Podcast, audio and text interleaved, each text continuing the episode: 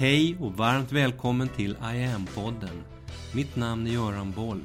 Här kommer jag varje vecka att presentera, utveckla tankar kring och polera på en ny facett av denna märkliga, mäktiga ädelsten vi kallar yoga. Hej! Nu närmar det sig ett hundragångersjubileum. Wow, vad fort det gick. Hur gick det här till? Hundra poddavsnitt. Inför nästa veckas podd, avsnitt 100, som helt kommer att bryta mot alla de mönster som byggts upp i podden under alla de här avsnitten hittills. Det hundrade kommer bli så annorlunda. Inför detta så tänkte jag idag här i podd 99 sammanfatta resan så här långt. Prata om vad jag har pratat om i 98 avsnitt bakåt. Kring vad yoga är och vad yoga kan vara och varför vi behöver yoga nu, idag, i den här spännande, spännande världen. Under detta nya glada 20-tal som ju minst sagt verkar vara lite annorlunda mot det förra, det glada 1920-talet. Och det som jag för två år sedan, våren 2021, när jag drog igång de här poddarna mitt under pandemin, när jag först tänkte att tematiskt så kanske det här räcker någon termin eller två med olika ämnen. Nu har det pågått i nästan två år, snart hundra veckor. Och det känns som jag fortfarande knappt ens bara skrapar lite på ytan på denna mäktiga livsomvälvande grej som vi kallar yoga. Den här djupt fascinerande resa som låtit mig följa med och låtit mig få surfa högt upp på den där yogavågen. Där det som på 90-talet började som ett lite udda småflummigt vågskvalp i periferin. Där fick jag vara med om att ta yogan in i näringslivet. Big time. Där fick jag stå högt upp på den där yogavågen på flera hundra av våra allra största företag, universitet, hemliga försvarsenheter och myndigheter ända upp i Sveriges riksdag. Och lära en väldig massa människor ända upp på VD, styrelse och partiledarnivå att träna yoga. Där jag också rätt omgående på 90-talet halkade in i kapitlet yoga som terapi där jag fick skapa och lära mig själv bäst jag kunde as I went along.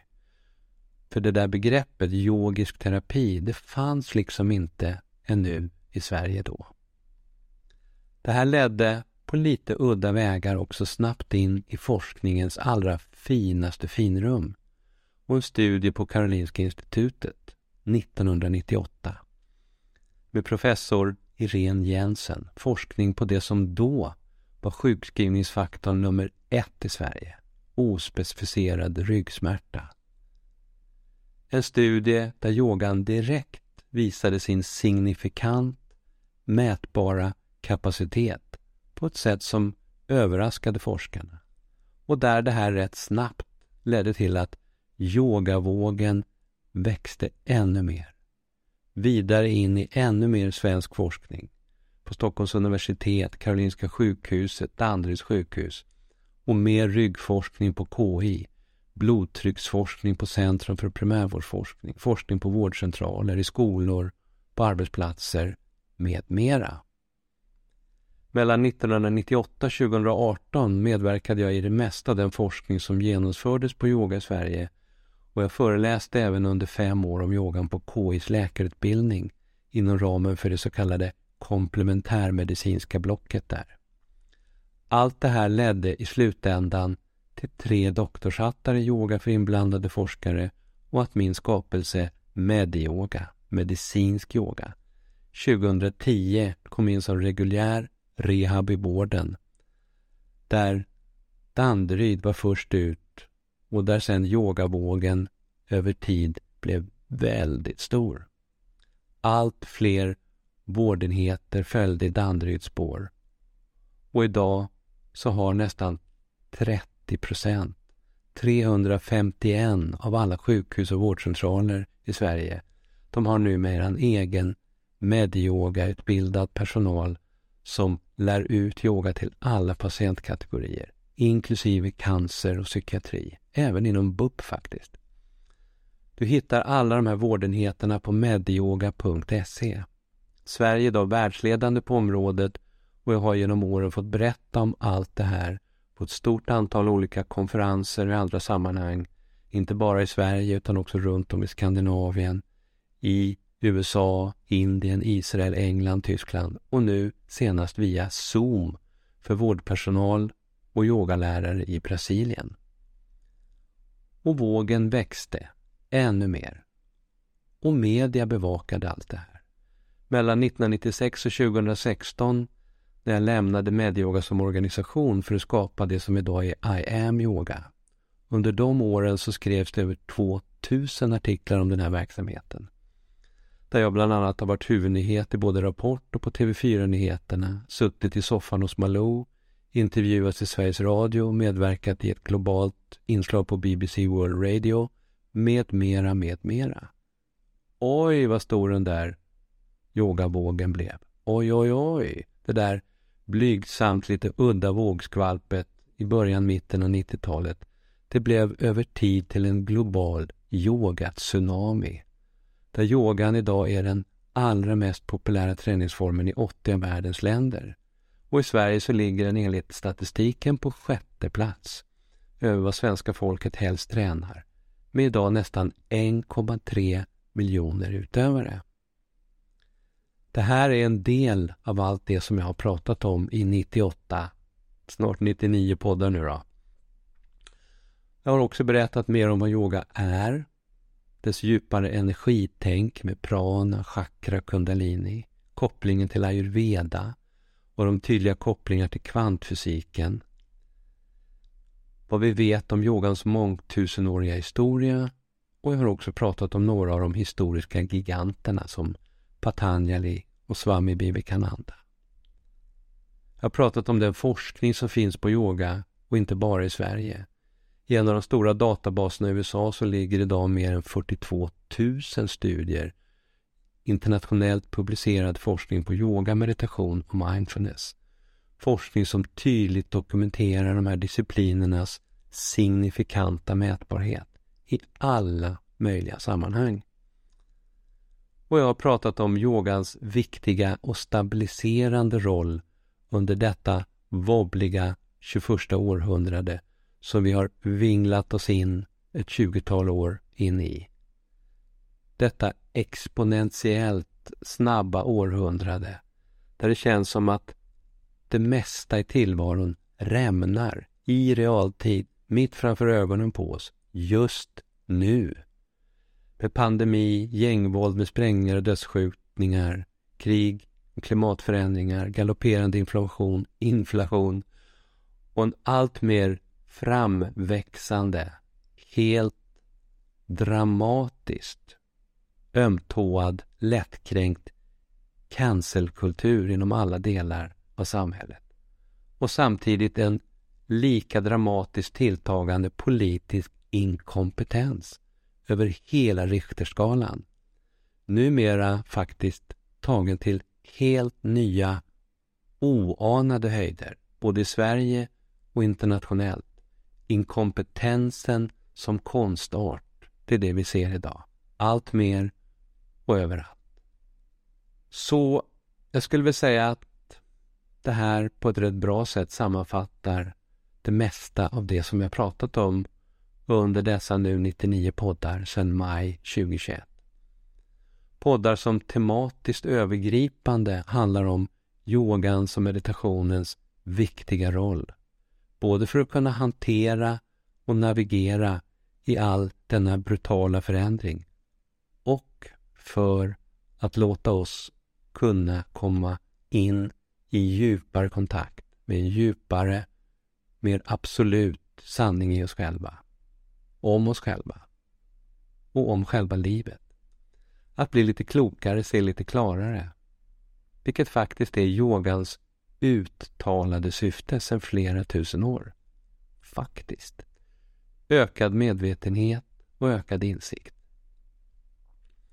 Jag har pratat om det här bland annat i termer av yoga som en av det här århundradets allra viktigaste kompetenser, att behärska för egen del.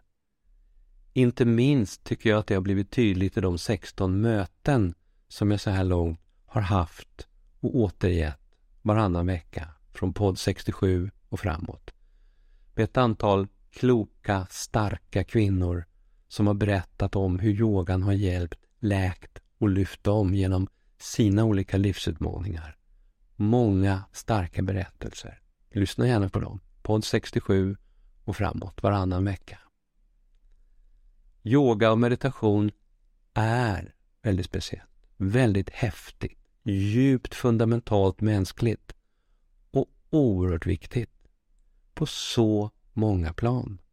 Jag säger igen, enligt mig så är yoga en av det här århundradets allra viktigaste kompetenser att ta med sig överallt i livet.